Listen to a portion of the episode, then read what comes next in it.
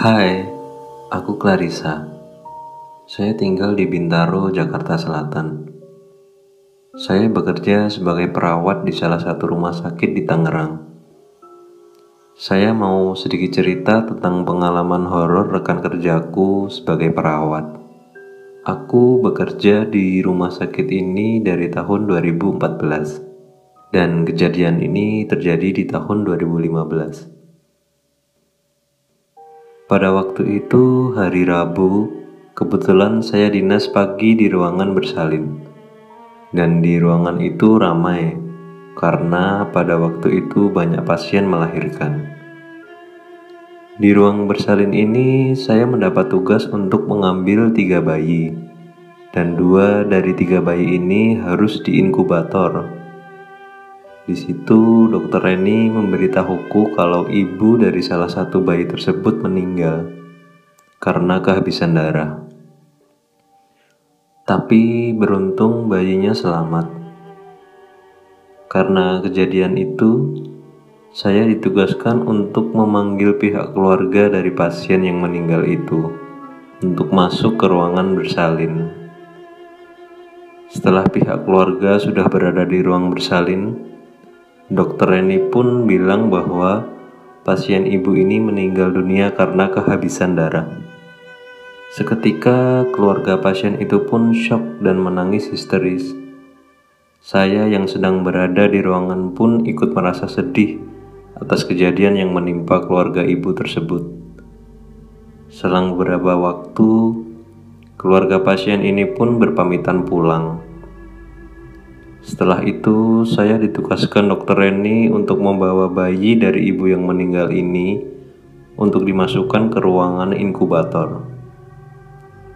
Sehari setelah kejadian itu, ada kejadian janggal yang dialami teman kerjaku. Sebut saja namanya Rika.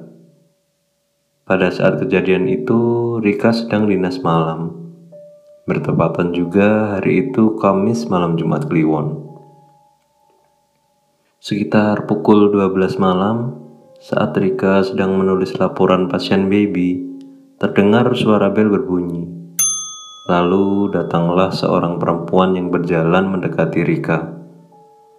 Perempuan itu pun bertanya, "Malam, suster, saya bisa ketemu dengan anak saya?" Rika pun menjawab, "Iya, ibu. Anak ibu yang mana ya?" Yang di inkubator di tengah itu suster, jawab ibu itu. Lalu Rika mengambilkan bayi dan diberikan ke ibu itu.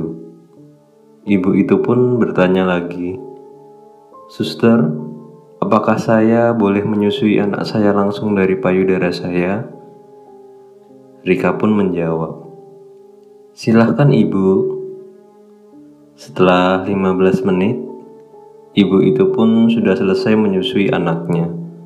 Dan Rika pun bilang, Sudah ya ibu, saya mau taruh kembali babynya ke dalam inkubator. Baik suster, terima kasih banyak ya. Saya sudah bisa melihat dan menyusui anak saya. Jawab ibu itu.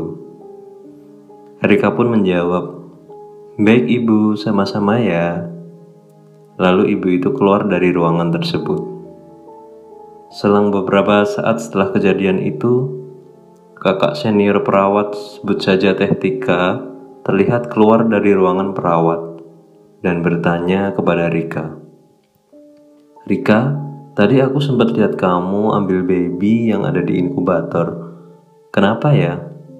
Rika pun menjawab, Oh, nggak apa-apa teh.